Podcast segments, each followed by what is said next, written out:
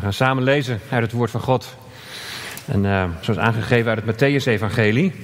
Nog even vooraf trouwens. Uh, Jaap en Ineke die berichten mij dat er vier asielzoekers zijn die graag gedoopt willen worden. Dat is toch prachtig? En ik uh, zou willen vragen, misschien zijn er wel meer mensen die het verlangen hebben om ook het watergraf in te gaan en daarin te beleiden. Ik ben met Christus gestorven en met Hem weer opgestaan, in Hem nieuw leven ontvangen. En ik zou je willen aanmoedigen om je daar dan ook voor op te geven. We zullen direct na de vakantie een datum gaan plannen. En ook een doopdienst gaan houden. Nou, wij gaan uh, vanaf morgen op vakantie, maar we zijn begin augustus alweer terug. Dus, dus genoeg tijd om ook nog gesprekken te voeren. Misschien zijn er dan ook nog wel andere oudsten die dan nog niet op vakantie zijn of alweer terug zijn. Dus ik zou zeggen, geef je daar tijdig dan ook voor op. Dat zou heel fijn zijn. En dan kunnen we kijken hoe dat gaat. Het is Zo'n gesprek is geen examengesprek, maar is meer een bemoedigingsgesprek en een horen van iemand van, hé, wat, wat geloof je? Wie is de Heer Jezus voor jou? Is dat het besef dat Hij jou gered heeft en dat Hij jou een nieuw leven heeft gegeven? En wat is, jouw, en wat is jouw verlangen dan om gedoopt te worden? Dus nogmaals, ik zou je daarin willen aanmoedigen. We gaan lezen Matthäus 16, vers 19. Dat is één vers. Helemaal aan het begin van de online diensten heb ik gepreekt uit Matthäus 16, uit dit schriftgedeelte. En dat ging toen over Caesarea Philippi. En misschien weet je dat nog, het ging over coronapaniek. En dat in Caesarea Philippi, daar, in, daar, daar zijn grotten van Pan. Pan is de afgod, Pan, daar is paniek ook van afgeleid. En uh, toen heb ik dit vers, heb ik daar nog even laten liggen. Want dat wou ik graag lezen in combinatie met Matthäus 18. En je zult zo meteen wel zien waarom. Dus Matthäus 16, vers 19, daar staat, um, daar zegt de Heer Jezus het volgende tegen Petrus. En ik zal u de sleutels van het koninkrijk der hemelen geven. En wat u bindt op de aarde, zal in de hemel gebonden zijn. En wat u ontbindt op de aarde, zal in de hemelen ontbonden zijn. En dan gaan we verder lezen in Matthäus 18, vanaf vers 11. Want de zoon des mensen is gekomen om zalig te maken wat verloren is. Wat denkt u als iemand honderd schapen heeft en één daarvan afgedwaald is? Zal hij niet de 99 andere achterlaten en in de bergen het afgedwaalde schaap gaan zoeken? En als het gebeurt dat hij het vindt, voorwaar, ik zeg u dat hij zich daarover meer verblijdt dan over de 99 die niet afgedwaald waren. Zo is het ook niet de wil van uw Vader die in de hemelen is, dat één van deze kleine verloren gaat. Maar als uw broeder tegen u gezondigd heeft, ga naar hem toe en wijs hem terecht tussen u en hem alleen. Als hij naar u luistert, dan hebt u uw broeder gewonnen. Maar als hij niet naar u luistert, neem er dan nog één of twee met u mee, opdat in de mond van twee of drie getuigen elk woord vaststaat. Als hij niet naar hen luistert, zeg het dan tegen de gemeente. En als hij ook niet naar de gemeente luistert, laat hij dan voor u als de heiden en de tollenaar zijn. In het volgende vers, daar zie je dan de overeenkomst met Matthäus 16. Voorwaar ik zeg u, alles wat u op de aarde bindt, zal in de hemel gebonden zijn. En alles wat u op de aarde ontbindt, zal in de hemel ontbonden zijn. Verder zeg ik u dat als twee van u op de aarde iets, wat dan ook, eenstemmig verlangen, het hun ten deel zal vallen van mijn Vader die in de hemelen is. Want waar twee of drie in mijn naam bijeengekomen zijn, daar ben ik in hun midden. En tot zover de schriftlezing. Het is hier ontzettend warm in de schijnwerpers, dus ik ga eventjes mijn jasje uitdoen. En gelijk even wat drinken erbij pakken. Zo.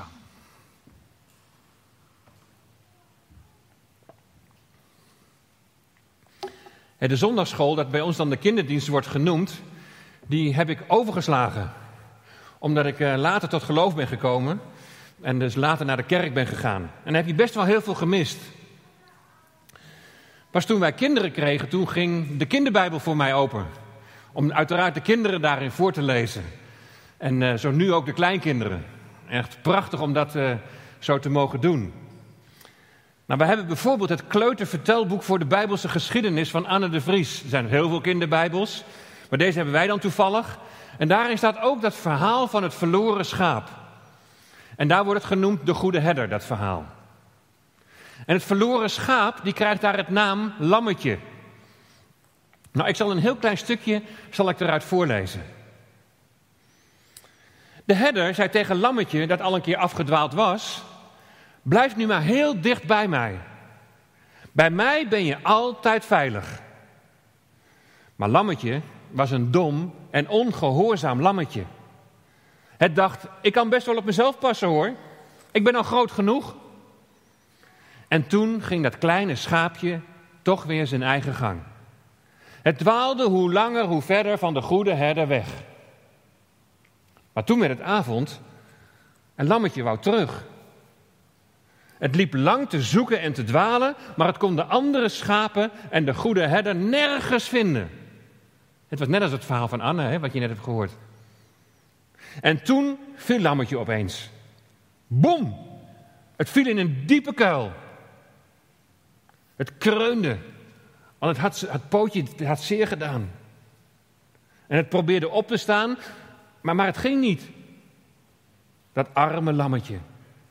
Zou het ooit nog weer bij de goede herder terechtkomen? Nou, wij weten natuurlijk dat het gelukkig allemaal goed afloopt. De goede herder gaat op zoek naar het schaapje, vindt het. En zo is het eindgoed al goed. Vorige week hebben we gezien dat voorafgaand aan de tienertijd, ver daarvoor al, dat je begrip krijgt van oorzaak, gevolg en consequentie. Nou, dat zie je ook in dit verhaal uit de kinderbijbel. Lammetje die is in een diepe kuil gevallen en heeft zijn pootje bezeerd. Maar die val heeft een oorzaak. Namelijk dat lammetje niet bij de herder en bij de kudde gebleven is. Als je bij de kudde blijft en als je samen zo de herder volgt, dan kom je zijn waar je zijn moet. Dan kom je bij de grazige weiden en dan kom je bij de waterbronnen.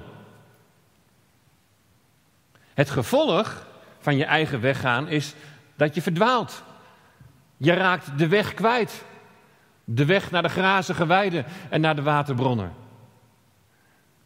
En de consequentie, oorzaak, gevolg, consequentie is dat er hele pijnlijke gevolgen kunnen zijn. Als je je eigen weg gaat. Want de herder kan je niet meer waarschuwen, die, die, die kan je niet meer beschermen. En je krijgt honger en je krijgt dorst en je valt in een kuil en je doet je pijn. Oorzaak, gevolg en consequentie. Toen ik dat zo overdacht, toen dacht ik van ja, dat schaap, dat dwaalt niet alleen af van de herder, maar dat schaap dwaalt ook af van de kudde. En de herder en de kudde, die zijn onlosmakelijk met elkaar verbonden. Die horen bij elkaar. Nu las ik ergens dat schapen geen kudde vormen omdat ze dat zo gezellig vinden. Maar ze vormen een kudde om hun eigen individuele overlevingskansen te vergroten. Daarvoor hebben ze ook de kudde nodig. Elkaar ontmoeten Koffie drinken na de dienst, wat we ook eh, vanmorgen weer gaan doen. Gezelligheid is allemaal prima en allemaal ook heel erg belangrijk. Maar het dient een doel, dat elkaar ontmoeten en met elkaar zijn. Want we hebben elkaar nodig. En we hebben die gemeenschap met elkaar, die hebben we zo hard nodig. Die hebben we nodig om, om staande te blijven, om, om niet te verdwalen. En elkaar te helpen om de goede herder te blijven volgen. Navolging van Christus. Navolging is het thema van deze overdenking. Navolging van Christus. Daartoe ben je geroepen. En daartoe zijn wij met elkaar zijn we daartoe geroepen. Met een behulp van GPS in rugzakjes van de schapen is de invloed van een hond op het gedrag van de schapen geregistreerd. Wat gebeurt er nou als zo'n hond in één keer op zo'n kudde afkomt? Nou, telkens als zo'n hond de kudde naderde, dan vertoonden de schapen een hele sterke drang om zich naar het centrum van de kudde te begeven. Dus ze bewegen zich naar het midden van de kudde om, om daarin ook bescherming te zoeken. En natuurlijk hè, zorgt de goede herder, zorgt de Heer Jezus voor zijn kudde. Maar ik geloof ook dat hij, als het ware, zeg maar, een soort van beschermingsmechanisme in zijn kudde heeft gelegd. We hebben elkaar nodig in onze navolging van Christus. Nou, laten we daar vanmorgen maar eens naar kijken. Hoe blijven we nou als kudde, hoe blijven we als gemeente dicht bij de Heer Jezus? En dan begin ik met de vraag, ja, wat is de gemeente eigenlijk? Vorige week hebben we een Kahoot gedaan. En een van de vragen was, hoe heeft nou die afgelopen tijd, die afgelopen maanden, hoe heeft dat nou jouw geestelijk leven beïnvloed? En 43% die gaf als antwoord: Het heeft mij veel doen nadenken over wat gemeenten zijn nou ten diepste inhoud. Nou, dat zijn in dit geval 73 mensen. Best wel veel. En als je dan bedenkt dat waarschijnlijk zo'n 30 à 40 procent aan de Kahoot meedoet, dan leeft het misschien nog wel veel breder. Dat zo'n tijd je even nadenkt van, ja, wat houdt het nou eigenlijk in? Wat houdt het ten diepste het gemeente zijn in? Ook hè, als je dan op zondagmorgen ja, niet samen kunt komen. Oorzaak, coronacrisis. Gevolg, nadenken over wat gemeente zijn inhoudt. Consequentie, ja, dat is dan de vraag. Wat gaat daar dan uitkomen? Nou, ik hoop dat deze overdenking je wat input geeft om, om, om daar wat verder over voor jezelf ook na te gaan denken. Waar heb je het eigenlijk over als je het hebt over de gemeente? Nou, het woord gemeente kom je in de Bijbel zowel tegen in het Oude Testament als in de evangeliën, als ook na de evangeliën. En, en ik noem heel bewust even deze drie categorieën. En ik zal laten zien waarom. Het Griekse woord voor gemeente is ecclesia. Daar heb je misschien wel eens van gehoord.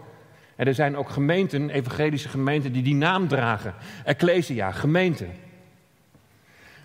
Allereerst werd dat woord werd gebruikt voor een officieel bijeengeroepen vergadering van de mannelijke burgers in een stad. En het was dan vaak voor politieke doeleinden dat ze bij elkaar kwamen. En je ziet dat ook in de Bijbel, bijvoorbeeld in Handelingen 19, vers 39. Daar is een wettige volksvergadering van de gemeente in Efeze. Dus een wettige ecclesia in Efeze, die komen daar bij elkaar. Het is dus vooral een politiek gekleurde vergadering. En dan, en dan even die drie categorieën. Allereerst het Oude Testament.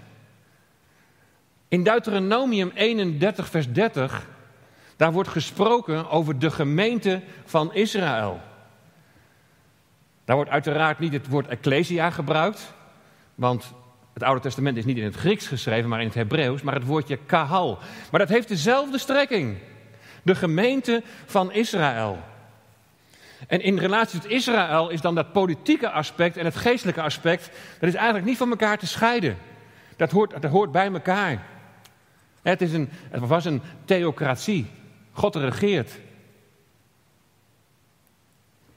Het volk Israël, dus een gemeente, een gemeenschap, een, een kudde met God onderweg naar het beloofde land. Dan de tweede categorie, de evangeliën.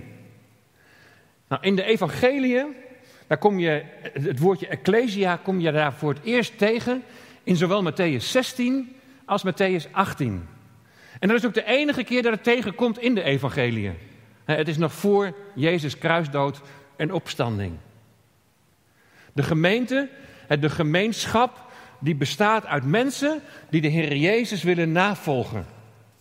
Dus er ontstaat iets van een messiaanse gemeenschap die de Heer Jezus volgt. Na de uitstorting van de Heilige Geest in handelingen dat is dan de derde categorie. Maakt de Heilige Geest, die maakt inwoning in de gelovigen. Wat in eerste instantie Joden zijn en Joden genoten op de Pinksterdag. Zij waren die, die Messiaanse gemeenschap uit Matthäus 16 en 18 en daar werden nog meer mensen werden daarbij bijgevoegd en toegevoegd. En gaandeweg komen daar niet-Joden, komen daar heidenen, komen daarbij. En dan onthult Paulus dat, geheim, dat geheimenis, dat geheimenis dat de gelovige Jood en de gelovige Heiden, die beiden de Messias beleiden, die de Heer Jezus als Messias beleiden, dat zij in één geest toegang hebben tot de Vader en dat zij samen één lichaam met elkaar vormen. Zover is het nog niet in Matthäus 18. Maar het maakt voor mij niet uit wat betreft de vraag hoe nou die ecclesia, die gemeenschap, zich zou moeten verhouden tot de herder, tot de Heer Jezus en ook tot elkaar. Ten eerste, of het nu gaat over de gemeente voor of na Pinksteren, het gaat om een groep mensen die het verlangen hebben om de Heer Jezus Christus na te volgen. Navolging. En ten tweede, omdat elkaar opvoeden, wat we in uh, Matthäus 18 dus heel duidelijk zien, en dat elkaar opvoeden, dat het ook na Pinksteren is dat onderdeel van de Bijbel. Kijk maar eens mee in het Oude Testament wat die opvoeding betreft. Nou, het boek van de opvoeding is het boek Spreuken, inderdaad. Spreuken is een prachtig boek als je meer aspecten wilt leren wat opvoeding betreft. Nou, in het Bijbelboek Spreuken uh, wordt zo duidelijk verwoord dat de Heer zijn kinderen opvoedt. En dat als het nodig is, dat er ook sprake kan zijn van tuchtiging en bestraffing. Kijk maar mee in Spreuken 3, vers 11 en 12. Daar staat: Veracht mijn zoon de tuchtiging des Heeren niet en keer u niet met weerzien af van zijn bestraffing. Want de Heere bestraft wie hij lief heeft. Ja, gelijk een vader en zoon aan wie hij welgevallen heeft. Het woordje tucht, wat hier wordt genoemd, komt van het Duitse woord zoekt. En dat is verwant met het werkwoord zien. En zien betekent trekken of optrekken, betekent ook opvoeden. Dus veracht de opvoeding van de Heer niet. En soms is dan ook bestraffing nodig. En hier staat niet dat de Heer bestraft wie hij veracht. Nee, hij bestraft wie hij lief heeft. Tuchtiging als een daad van liefde. En die bestraffing is nooit een doel op zich, maar is gericht op je herstel in je relatie met de Vader, in je relatie met mensen om je heen. Het is, het is erop gericht om jou te helpen in jouw groei naar volwassenheid. Vorige week hebben we die ontwikkelingsfase van een kind gezien. Het begint als baby met het belang van goede hechting. Die eerste maanden zo wezenlijk van belang. Nou, in, in relatie met God is dat precies hetzelfde. Is dat ook van wezenlijk belang. Dat je weet dat er iemand is die onvoorwaardelijk van je houdt. Die als jij afdwaalt op zoek gaat. Die jou terug wil brengen bij de kudde, opdat je niet verdwaalt, maar kunt genieten van de grazige weiden en de waterbronnen. De goede herder die je leidt naar het beloofde land. Daar waar onze broeder Tom nu is. Thuis. In het vaderhuis met de vele woningen. Zijn waar de Heer Jezus is. De goede herder wijst ons de weg. Om nog even op die, op die opvoeding door te gaan. Als één, tweejarigen heb ik vorige week gezegd dat het heel belangrijk is dat er grenzen worden gesteld. En dat je ervan bewust moet zijn dat er ook gezagsverhoudingen zijn binnen het gezin. Nou, zo is dat in ons geestelijk leven ook. Je moet leren dat Christus het absolute gezag heeft over jouw leven. Dat het zo van wezenlijk belang is om naar Hem te luisteren, om Hem te volgen. En ook hij stelt grenzen hoe je op een gezonde manier binnen het geheel van de kudde blijft functioneren en je op het goede spoor blijft richting jouw volwassenheid. Je ziet dat in het Nieuwe Testament, zie je dat ook zo duidelijk. Bijvoorbeeld in Colossense 1, vers 28. Daar zegt Paulus, hem verkondigen wij. Dan heeft hij het over Christus, de hoop der heerlijkheid. Hem verkondigen wij, terwijl wij ieder mens terechtwijzen en ieder mens onderwijzen in alle wijsheid, opdat wij ieder mens volmaakt zouden stellen in Christus Jezus.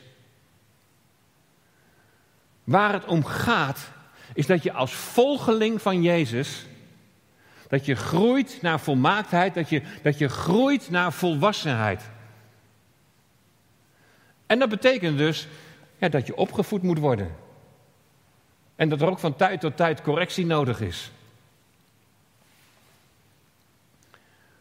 Als jij je nou bewust bent van zijn onvoorwaardelijke liefde. En als je je bewust bent van de prijs die hij heeft betaald om jou te bevrijden. Om jou nieuw leven te geven. Als je je bewust bent van het feit dat hij je wil beschermen. En dat hij je veilig wil leiden naar het beloofde land. Dan wil je toch niet liever dan hem navolgen? En dan is het ook je verlangen dat je gecorrigeerd wordt op het moment dat je van de weg afwijkt. En als je dreigt te verdwalen. Navolging is dan toch geen, geen krampachtig moeten meer, maar toch een diep innerlijk geworteld verlangen. We willen Hem volgen die ons lief heeft. Heer, wijs ons uw weg. En ja, u mag mij daar ook in corrigeren, graag zelfs. Want ik heb u lief. En ik weet dat het het beste is om te doen wat u zegt. Hoe werkt je opvoeding dan in de praktijk? De Heer Jezus is nu niet lijfelijk bij ons aanwezig. En dat brengt ons bij de vraag dus hoe die opvoeding nu plaatsvindt. In Colossense 1, vers 28 hebben we al gezien dat het gebeurt door de verkondiging. Je predikt en je onderwijst de waarheid van het woord van God. En de Heilige Geest die overtuigt mensen als ze zich op een dwaalweg bevinden. Als hun weg met God tegenovergesteld is aan datgene wat verkondigd wordt. Dit brengt mensen er nog wel eens toe om te zeggen van dat dit voldoende is. Dat het niet nodig is om mensen daar ook persoonlijk nog eens een keer op aan te spreken. Van, van laat maar gaan, de Heer die zal het wel laten zien. Hij, hij zal wel overtuigen. Dat de Heer zal laten zien, is zeker iets waar je op mag vertrouwen. Maar ik wil wel laten zien dat de Heer zich daarbij ook kan bedienen van zijn kinderen, van, van zijn gemeente, van die gemeenschap die samen de Heer Jezus navolgen. Nou, Jezus die begint al vanaf hoofdstuk 16 een stuk van zijn gezag over te dragen. En dat is heel normaal voor een rabbi. En allereerst krijgt Petrus dan een leidende rol. Ik weet niet of je dat eerste plaatje wat ik liet zien, misschien kun je dat nog even terughalen. Het allereerste plaatje van, uh, van de PowerPoint. Ik weet niet of je enig idee hebt waar dat beeld staat. Wie aan het begin dat beeld gezien? Ja, hier heb je hem. Wie weet waar dit beeld staat? Ja, Capernaum, inderdaad. Dit beeld staat in Capernaum en dat stelt Petrus voor. En je ziet misschien helemaal met die ene hand zo, dat hij daar een sleutel heeft. Maar daar hebben we dus over gelezen. Hij krijgt als eerste onder de gelijken, krijgt hij de sleutels van het koninkrijk der hemelen en hij krijgt de macht om te binden en te ontbinden. Maar als we een beetje de culturele context niet kennen, dan is het heel moeilijk voor ons om te begrijpen wat daar nou eigenlijk mee wordt bedoeld. En daar komen vaak ook die grapjes vandaan, hè, van Petrus die aan de hemelpoort staat. Het gaat echter niet, het gaat echter om het toekomstige koninkrijk hier op aarde, dat zal zijn als in de hemel.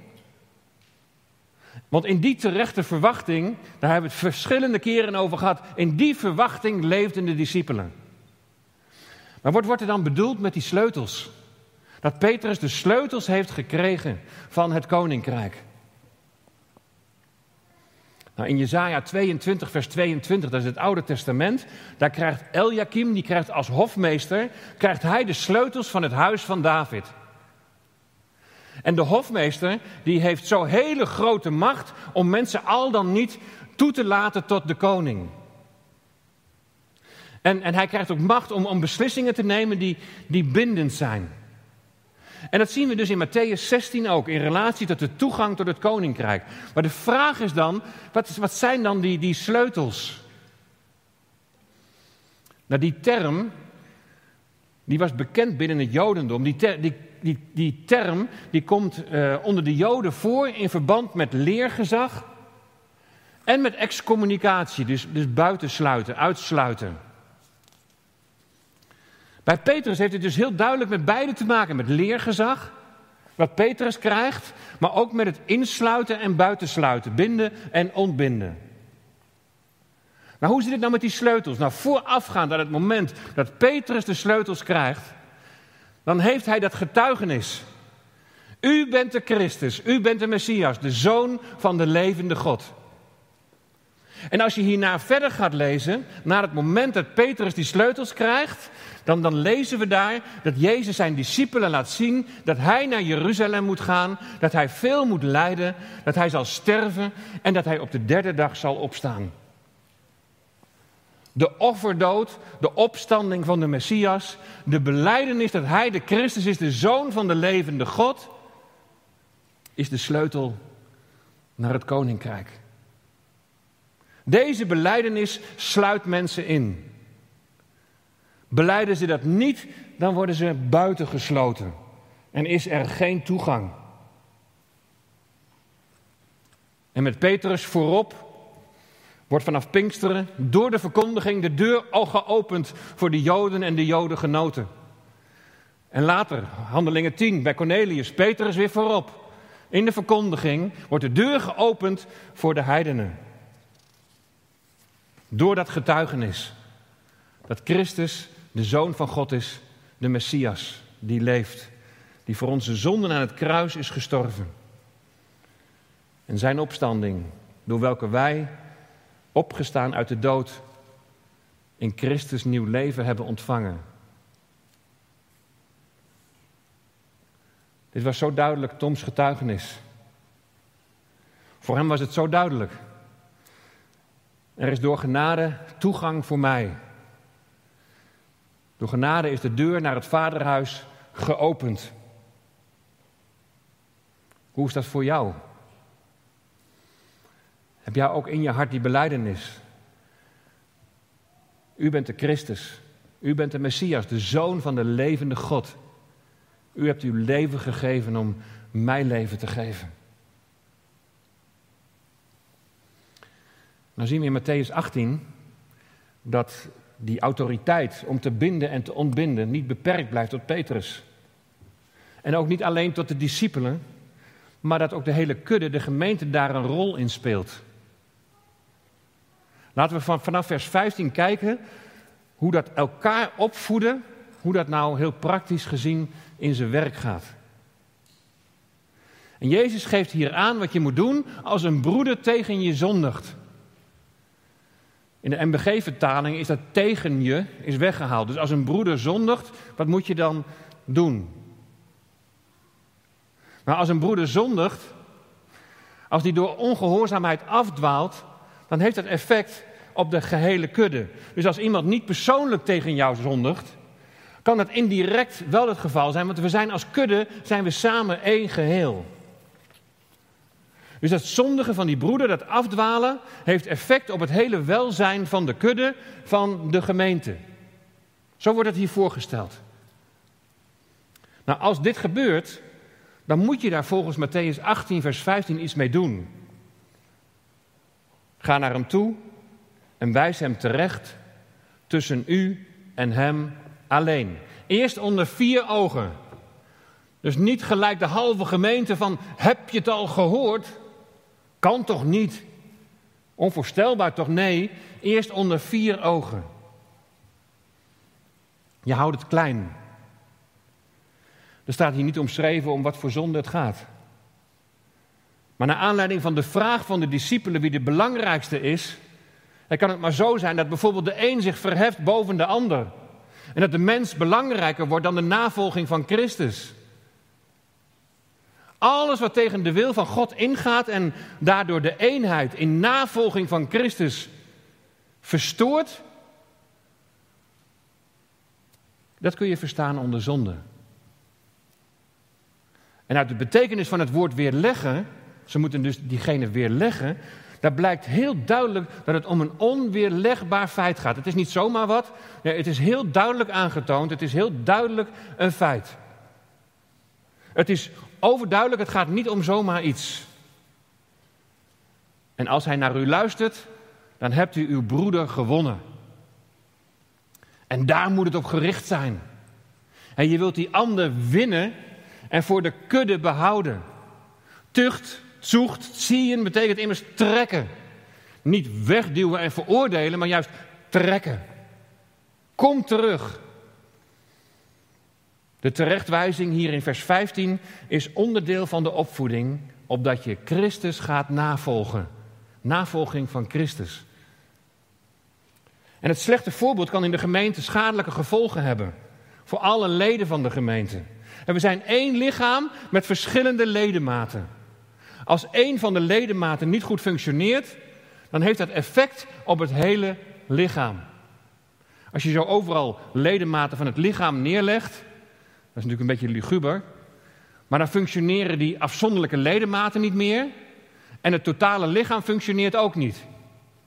En daarom is het zo belangrijk om dicht bij elkaar te blijven en samen Christus na te volgen. Dat is niet, niet de opdracht van een eenling, maar dat is een opdracht van ons samen. Samen als zijn gemeente, als zijn kudde. We zijn het lichaam van Christus. En wij vertegenwoordigen het hoofd hier op aarde. En het hoofd dat tegen ons zegt: Wees heilig, want ik ben heilig. Heel vaak wordt in het, Nieuwe Testament geschreven over de zuiverheid van de gemeente. Op meerdere plaatsen vinden we woorden als zonder vlek of rimpel, onbesmet en onberispelijk, heilig en onbesmet. Maar als hij naar u niet luistert, neem er dan nog één of twee met u mee, opdat in de mond van twee of drie getuigen elk woord vaststaat. Eén of twee meenemen betekent dat je met twee of drie bent. In Deuteronomium 19, vers 15 staat op de verklaring van twee getuigen of op de verklaring van drie getuigen staat de zaak vast. Zie je, het werkt van klein naar groot. Het is dus niet een kwestie van direct de oudste van de gemeente erbij roepen. Nee, het, het, ontstaat in de persoonlijke relatie met elkaar, onder vier ogen. En anders neem je nog eens even twee of drie mensen mee, die ook wel in die relatie enigszins staan en ook, de persoon waarschijnlijk kennen. En als je broeder dan nog niet luistert, als je hem dan nog niet kunt winnen, dan is het tijd om naar de gemeente te gaan. En dan is dan de vraag hoe je dat in een grote gemeente doet. En in de praktijk zijn het dan vaak de oudsten inderdaad die de gemeente daarin vertegenwoordigen. Maar die gemeente, die betrekken ze er wel in. Die wordt op de hoogte gesteld. En als hij niet naar de gemeente luistert, laat hij dan voor u als de heiden en de tollenaar zijn. En dit, dit zijn woorden die de Heer Jezus zelf spreekt. Oh, daar in het verleden is ook met dit hele onderwerp kerkelijk Nederland heel verkeerd omgegaan. Maar dat betekent niet dat dit niet een gezond aspect van de gemeente behoort te zijn. Kan de gemeente dat zomaar besluiten van, van uitsluiting? Dan kijk maar mee in vers 18. Voorwaar, ik zeg u, alles wat u op de aarde bindt, zal in de hemel gebonden zijn. En alles wat u op de aarde ontbindt, zal in de hemel ontbonden zijn. Nou, die uitdrukking binden en ontbinden, dat was een vaste uitdrukking bij rechtszittingen in Israël.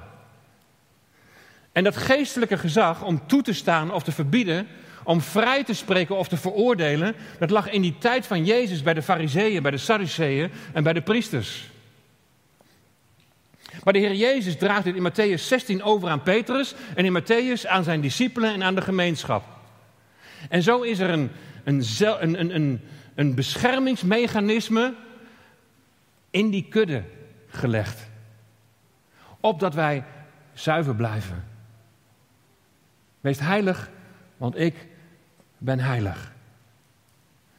Op de website daar staat de, studie, gemeenteethiek, die ik een tijd geleden al een keer heb gehouden. En als je dat nog eens beluistert, dan zul je zien dat daar heel veel spanningsvelden in zijn. Spanningsvelden om dat op een goede manier te doen. De balans van genade en waarheid.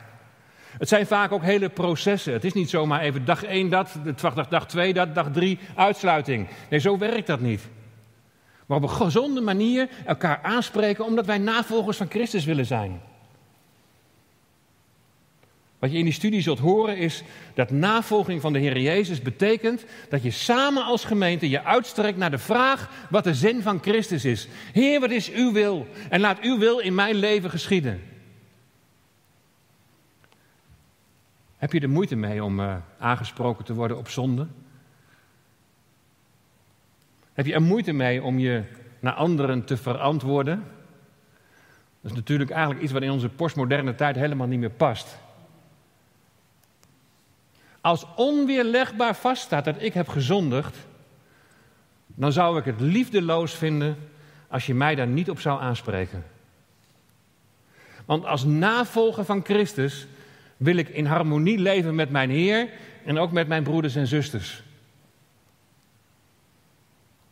Omdat ik het verlangen heb dat Hij in mijn leven zichtbaar wordt.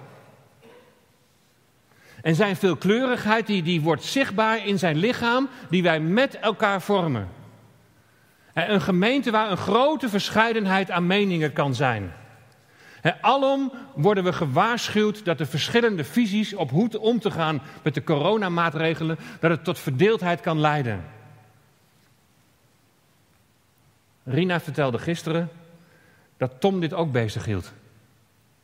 En hij zei: Ik hoop dat ondanks uiteenlopende meningen van complottheorieën tot het exact willen volgen van alle maatregelen en alles wat daartussenin zit, dat de liefde zal winnen. Navolging van Christus betekent wandelen in, in, in de liefde tot God en je naaste.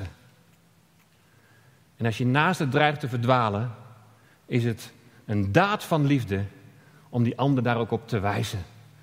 En liefdevol op te roepen om terug te komen bij de kudde.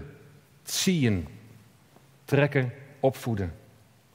Waar we zijn pad verlaten, hebben we correctie nodig. En nogmaals, ik houd maar even bij mezelf. Als onweerlegbaar vaststaat dat ik heb gezondigd, zou ik het liefdeloos vinden als ik daar niet op terecht gewezen word. ik wil de Heer Jezus volgen. Dat is ook jouw verlangen. Ik heb al gezegd, als, als we toch beseffen wie Hij is, wat Hij voor jou gedaan heeft. En hoe Hij ons leidt. En hoe Hij ons brengt naar de plek waar Hij is. Dan is die navolging geen, geen krampachtig moeten, maar een diep geworteld innerlijk verlangen. Opvoeding hoort bij navolging. Navolging van Christus. Mijn diepe verlangen. En ik ben me ervan bewust dat ik tot een groter geheel behoor. Ik ben niet alleen op weg. Jullie zijn niet alleen op weg. We zijn samen op weg. Een gemeente die, die verre van volmaakt is. En ook mijn leven is verre van volmaakt. Maar waarbinnen dan juist opvoeding zo belangrijk is. Navolging, dat doe je samen. En dat is gemeente zijn. We gaan samen zingen. Ik wil u alvast vragen om naar voren te komen. Met diep ontzag aanbid ik u. En als we diep ontzag hebben voor onze Hemelse Vader, als we diep ontzag hebben voor onze Heer Jezus Christus, een ontzag niet in de zin van, van bang zijn, maar juist het weten van er is iemand die onvoorwaardelijk van mij houdt, in, in het bewustzijn van ik ben, ben gehecht, samengesmeed met Hem. Met diep ontzag aanbid ik u en wil ik u volgen. Amen.